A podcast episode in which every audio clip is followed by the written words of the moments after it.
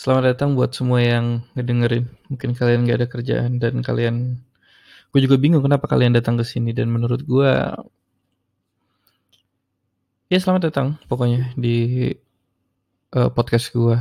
Gue tidak cukup untuk kreatif saat gue lagi pengen bikin podcast tapi gue tidak sedang cukup kreatif untuk membuat nama podcast gue. Jadi gue kasih nama aja ocehan seorang pilot gue nggak tahu mungkin ada podcast-podcast lain dari teman-teman pilot.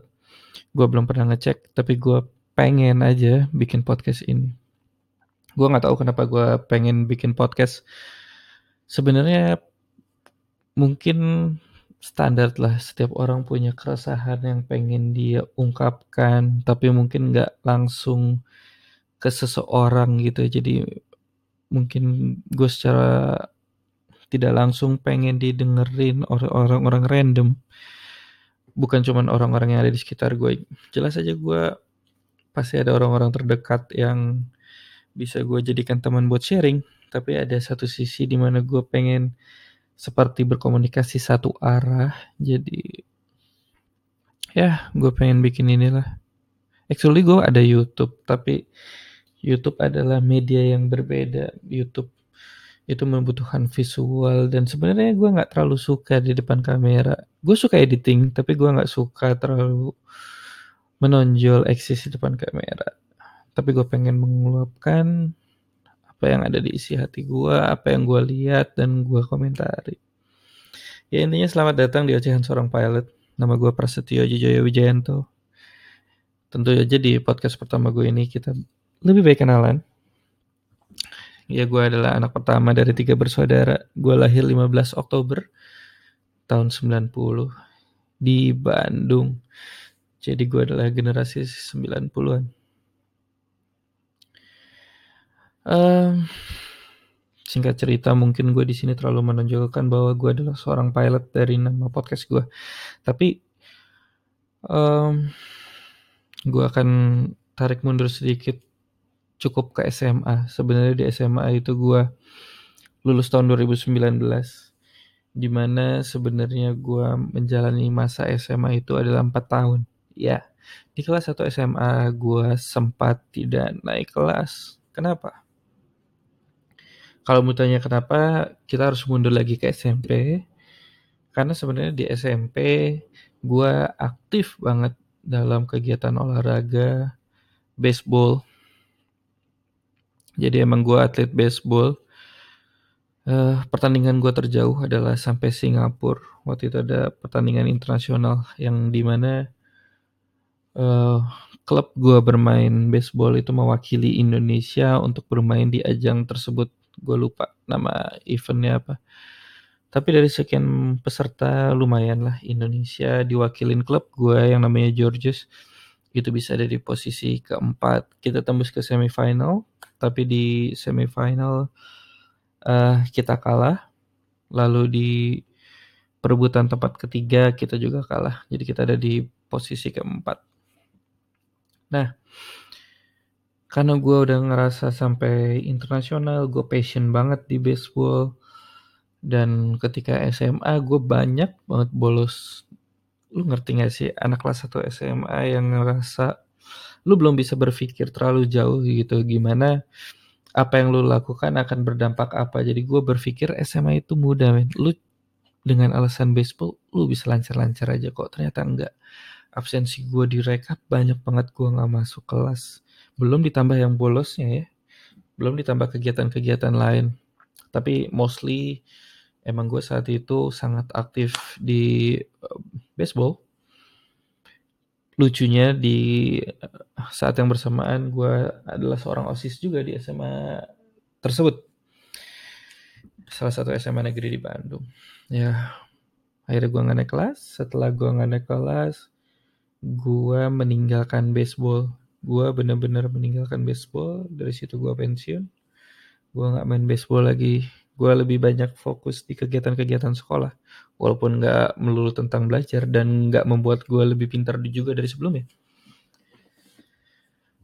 Intinya gue jalanin 4 tahun gue di SMA lalu gue lulus. Waktu mendekati mendekati kelulusan ya gue di SMP sempat sorry gue di SMA itu sempat sempat sok-sok ngeband gitu dan ketika beres latihan band gitu gue kita suka sharing sama-sama teman-teman band kita mau ke mana ya abis ini gitu. sebenarnya dari situ ada satu temen gue yang tujuannya udah jelas banget itu dia mau ke pilot sebenarnya ada dua satu memang karena bapaknya pilot jadi dia pengen ke pilot. Dua, dia memang bercita-cita menjadi pilot. Sayangnya tidak direstui oleh orang tuanya. Dan yang ketiga, gue anak labil yang gue juga pengen ah jadi pilot. Tapi seiring berjalannya waktu, gue coba-coba sambil tes universitas universitas di Bandung itu belum lulus SMA ya jadi masih um, masih masih sekolah tapi udah ada ujian-ujian terbuka kan buat penerimaan mahasiswa baru dari masing-masing universitas. Dan gue ikutin. Ternyata gue diterima di Fakultas Hukum Unpar.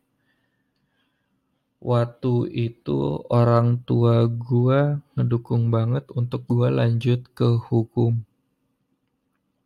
Karena tadinya gue bercita-cita menjadi pilot, tapi di saat bersamaan gue juga memakai kacamata, gue berpikir gue kacamata gue udah nggak bisa jadi pilot. Ya udah akhirnya gue jalanin aja tuh masa-masa uh, kuliah. Jadi gue masuk ke Universitas Katolik Parahyangan di Bandung, jurusan hukum tahun 2009. Nggak ada kesulitan yang berarti ya, maksudnya memang IP gue nggak gede-gede banget karena Unpar uh, terkenal dengan pelit nilainya. Gue jalanin aja dengan santai dan selama gue kuliah di hukum, gue juga nggak ada tujuan yang jelas sebenarnya. Apakah gue mau jadi hakim, apakah gue mau jadi uh, pengacara, notaris atau apa. Tapi sebenarnya kalau dari dilihat nilai-nilainya nilai gue lebih bagus di pidana, di jurusan pidana. Tapi keluarga gue ada yang basicnya salah satu notaris sukses di Bandung. Jadi nyokap gue adalah kakak dari tante gue yang bekerja sebagai notaris. Akhirnya ya udah deh, gue coba untuk terus kuliah dengan tujuan aiming point gue untuk menjadi seorang notaris. Berjalannya waktu gue masuk ke semester 7. Semester 7, sorry di semester 7 ada uh, liburan semesteran kalau nggak salah. Di saat liburan itu, tante gue menawarkan untuk gue magang di kantornya. Jadi sebelum gue terjun lebih jauh di dunia kenotarisan, jadi gue udah bisa ngerasain seperti apa sih rasanya menjadi notaris atau at least kerja dulu di kantor notaris. Di situ mulai ada tabrakan-tabrakan batin, cie. Tapi bener men, uh, yang orang-orang bilang lakuin apa yang lo suka itu ternyata bener dan itu gue alamin. Ketika gue magang itu gue gak terlalu suka. Gue merasa bosan ketika gue kerja office hour. Dan monoton lu masuk jam 8, keluar jam 5. Kalau belum selesai gue pernah pulang jam 7 saat magang. Gue magang gak ada sih dua bulan. Terus di situ gue udah mulai berpikir bahwa gimana ya? Apakah harus gue terusin atau gimana? Karena ketika gue mau berpikir, ah ya udah deh kalau gitu gue ke pidana aja. Eh, gue tidak mau menyinggung soal apa-apa hukum di Indonesia. Karena teman-teman gue juga gue juga masih sangat berteman-teman sorry gue masih sangat berhubungan baik dengan teman-teman gue yang akhirnya lulus dari hukum unpar. Cuman semakin lo ngerti hukum terutama pidana sebenarnya lu pasti makin gak suka sama hukum sih. Kalau lu nggak punya mental yang kuat untuk menjalankan sesuatunya.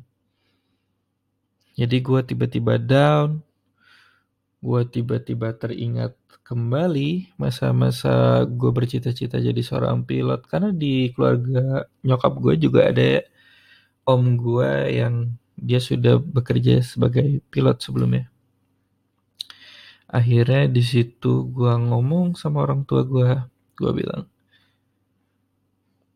Aku mau balik deh ke cita-cita aku jadi pilot.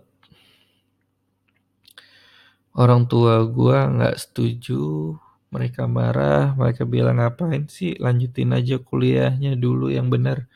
Ntar kalau udah selesai kuliah baru terserah kamu kalau mau sekolah lagi. Karena pada saat itu, apalagi pada saat ini, tapi kita omongin pada saat itu, sekolah pilot itu sudah di atas 500 juta. Sekarang kurang lebih 1 M ya, tapi di saat gue sekolah pilot itu tahun 2012 awal, itu rent sekolah pilot rata-rata masih di 500 jutaan sampai lu selesai. Lu dapet uh, eh, CPL dan multi eh sorry nggak dapat multi engine lu cuma dapat CPL dan IR aja. Kurang lebih 160 sekian jam ya sampai kelulusan. Itu aja yang lu dapat gue nggak um, kaget sih. Orang tua gue nggak mendukung. Orang tua gue agak kecewa karena gue berhenti di semester 7 tapi ya gue nggak tahu. Gue kayak kerasukan sesuatu yang gue bikin bener-bener gue fight banget untuk gue keluar kuliah dan melanjutkan cita-cita gue yang sebenarnya jadi pilot. Singkat cerita, gue ribut sama orang tua gue, tapi gue di backup sama nenek gue. Dia mendukung apa yang gue mau. Ya udah anak anaknya pengennya ke pilot bla bla bla dan akhirnya singkat cerita nggak mungkin gue ceritain di sini gue akhirnya sebenarnya saat masa transisi antara orang gue mensetujui gue boleh keluar dan menjadi pilot atau enggaknya gue dikirim ke Sydney. Gue waktu itu ikut program homestay dari IF jadi gua homestay di Sydney itu satu bulan aja. Jadi gua satu bulan gua tinggal di rumah bule. Setiap pagi dari Senin sampai Jumat gua berangkat sekolah gitu. Jadi kayak orang sekolah. Kalau nggak salah dari jam 8 sampai jam 5 sore itu sekolah sama sekolah aja kayak sekolah biasa cuman materinya semua bahasa Inggris. Ketika gua pulang dari Sydney, orang tua gua akhirnya sudah luluh dan oke kalau lu mau sekolah pilot. Um, orang tua gua sebenarnya bukan orang tua yang banyak duit juga ya. Kita masih ada di rata-rata orang Indonesia lah.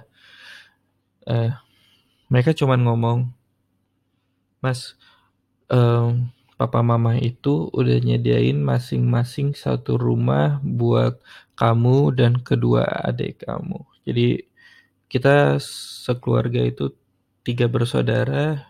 Gua anak pertama, adik gua itu ada dua dan dua-duanya itu laki-laki. Jadi orang tua gue cuma ngomong, mama sama papa udah nyediakan kalian masing-masing rumah. Kalau mas mau sekolah pilot, papa mama nggak ada uang lagi kecuali harus menjual rumah jatahnya kamu. Gue bilang, ya udah mah, pah, jual aja. Akhirnya rumah itu dijual untuk mencokolahi gue menjadi seorang pilot. Itu pun masih kurang. Akhirnya ditambahin sama bokap gue. Ya udah, akhirnya gue sekolah. Cuman masa-masa pendaftaran pertama, orang tua gue masih ngomongin soal kuliah gue. Kamu udah tiga tahun kuliah, sayang banget. Coba deh temuin dekannya, ajak ngobrol enaknya gimana. Akhirnya gue turutin kemauan mereka, gue datang ke kampus gue, gue temuin wakil dekan, enak banget. Gue ngobrol sama beliau dan wakil dekan bilang, ya udah pras gini aja, kamu rekap nilai kamu, rekapan nilai ini akan berlaku selamanya, kata beliau ya, gue belum coba. Eh, nilai ini berlaku, jadi kamu kalau mau kuliah di sini atau di tempat lain, rekap nilai ini berlaku. Oh ya udah akhirnya gue melakukan pengunduran diri dari Unpar dengan permohonan rekap nilai dikeluarkan buat uh, gue. Akhirnya gue cuman pegang doang itu rekap nilai nggak gue apa-apain. Gue sekolah, dengan benar-benar karena gue udah seperti berjudi dalam mengambil keputusan ini. Terus ya udah satu tahun setengah kurang lebih gue ngikutin masa-masa sekolah mulai dari di Halim sekian bulan terus gue dikirim terbang di Cilacap sekian bulan balik lagi ke Jakarta untuk sekolah ground lagi. Setelah itu gue dikirim ke Solo setelah di Solo gue dikirim lagi balik ke Jakarta. Um, akhirnya gue selesai di awal tahun 2014 um, gue anak pertama bersama temen gue jadi kita ada dua orang yang melakukan cek CPL IR pertama dari angkatan gua dan dinyatakan lulus alhamdulillah. Jadi gua dan teman gua adalah orang pertama yang lulus dari angkatan gua. Seneng dong. Ketika udah seneng, gua mengapply ke mana-mana. Jadi sebenarnya sama ya kayak lulusan SMA. Kalau buat anak-anak swasta, flying school swasta gitu, ketika lu udah lulus, lu hanya mendapatkan license dan beberapa sertifikat. License dan sertifikat itu lu copy sebanyak-banyaknya dan lu lamar. Jadi sama kayak lulusan S1 lah, lu punya ijazah, lu lempar ke mana-mana buat melamar sebuah pekerjaan. Gua taruh di Garuda, gua taruh Citylink, gua taruh Sriwijaya, gua taruh di Lion Air, Lion Group, terus uh, Air dan sebagainya nggak berapa lama gue mendapat panggilan dari Lion Air untuk melakukan tes untuk menjadi seorang pilot di Lion Air saat itu. Akhirnya itu gue nganggur dari kelulusan itu cuma sekitar dua atau tiga bulan dari gue kelulusan. Terus gue uh, tes di Lion Air bersama tiga teman gue dari lulusan flying school yang sama Terus uh, alhamdulillahnya dan gue nggak tahu saat itu bahwa Lion Air melakukan tes itu untuk Lion Group. Jadi entah itu buat Lion Air, buat Wings Air atau buat Batik Air saat itu. Ternyata dari tiga, dari kita bertiga dari flying school yang sama itu dua orang diterima di Batik Air dan satu orang diterima di Lion Air. Gua adalah salah salah satu orang yang dari dua orang itu keterima di Batik Air tahun 2014. Alhamdulillah karena saat itu Batik Air juga baru lahir dan image-nya bagus seperti Garuda yang memang disiapkan sebenarnya dari lain grup untuk menyaingi kelasnya Garuda Indonesia saat itu.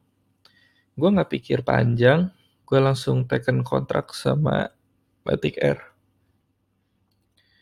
ada cerita lain bahwa setelah gue tekan kontrak dari Batik Air, sebenarnya Garuda sama AirAsia sempat manggil gue buat tes. Tapi ya karena gue udah tanda tangan, gue merasa ini kesempatan yang Tuhan kasih, yang Allah kasih ke gue. Kalau gue nolak Batik Air, sama aja gue nolak rezeki dari Yang Maha Kuasa gue ambil aja ya gue mikirnya ya udah rezeki gue ada di situ akhirnya gue udah kerja. Sekarang saat gue bikin podcast ini di Oktober 2018, gue hampir 4 tahun udah kerja di Batik Air dan gue nyaman sekali. Uh, sedikit balik ke masalah saat gue keluar dari kuliah. Jadi gue ada rasa bersyukur saat itu entah kenapa gue begitu keras ke orang tua gue gue bilang gue mau keluar ternyata kalau gue menyelesaikan kuliah gue dulu gue mungkin belum menjadi seorang commercial pilot karena pengangguran di mana-mana. Ketika gue lulus itu pintu airline sudah banyak yang tertutup. Nggak gampang lagi menjadi seorang pilot karena uh, udah overload dari uh, dari pemasukan pilot itu terlalu banyak. Jadi sedangkan maskapai Indonesia itu itu aja. Gue jadi kayak bersyukur mungkin emang udah jalannya dari yang di atas untuk gue menjadi pilot ya. Jadi setiap orang pasti punya cerita setiap orang pasti ada jalannya masing-masing. Uh, tetap ngotot sama apa yang kalian pengen tuju. Seperti gua ngotot saat ngomong ke orang tua gua, gua mau keluar dari kuliah dan gua mau jadi seorang pilot. Ternyata ada hikmahnya juga. Walaupun gua akhirnya belum S1 kayak teman-teman gua uh, pada umumnya. Ternyata gue sempat iseng nelfon ke salah satu universitas gue bilang nilai gue gue punya rekapan nilai diakuin gak ya mereka bilang diakuin. Lanjut aja berarti mas tinggal lanjut 2-3 semester aja. Tinggal penyesuaian mata kuliahnya. Ya alhamdulillah berarti memang apa yang dibenar sorry apa yang dibilang wakil dekan gue saat itu benar bahwa gue bisa uh, menggunakan rekap nilai itu untuk lanjut kuliah kapan aja. Gue rasa ini perkenalan dan cukup singkat, tapi udah cukup banyak gue ngomong. Mungkin ke depannya di podcast gue, gue bakal lebih ngomongin yang fun-fun gue juga pengen ada feedback balik dari kalian. Kalian tanya sesuatu, mungkin gue bisa membahasnya di podcast-podcast berikutnya. Gue gak akan janji ke kalian kapan gue bikin podcast, kapan gue uh, mengeluarkan podcast podcast baru gue. Jadi kalian bisa cek Instagram gue di prasetyo titik awe Gue rasa Instagram aja udah cukup ya. Kalian bisa DM gue, tanya sesuatu. Kalau pertanyaannya cukup menarik, uh, mungkin bakal gue bahas di podcast. Gue jawab di podcast. Mungkin itu aja. Terima kasih buat kalian yang udah membuang 25 menit waktu kalian untuk mendengarkan perkenalan dari gue. Tetap positive thinking tetap jauhi narkoba. Kita ketemu di podcast podcast berikutnya. Terima kasih. Love you.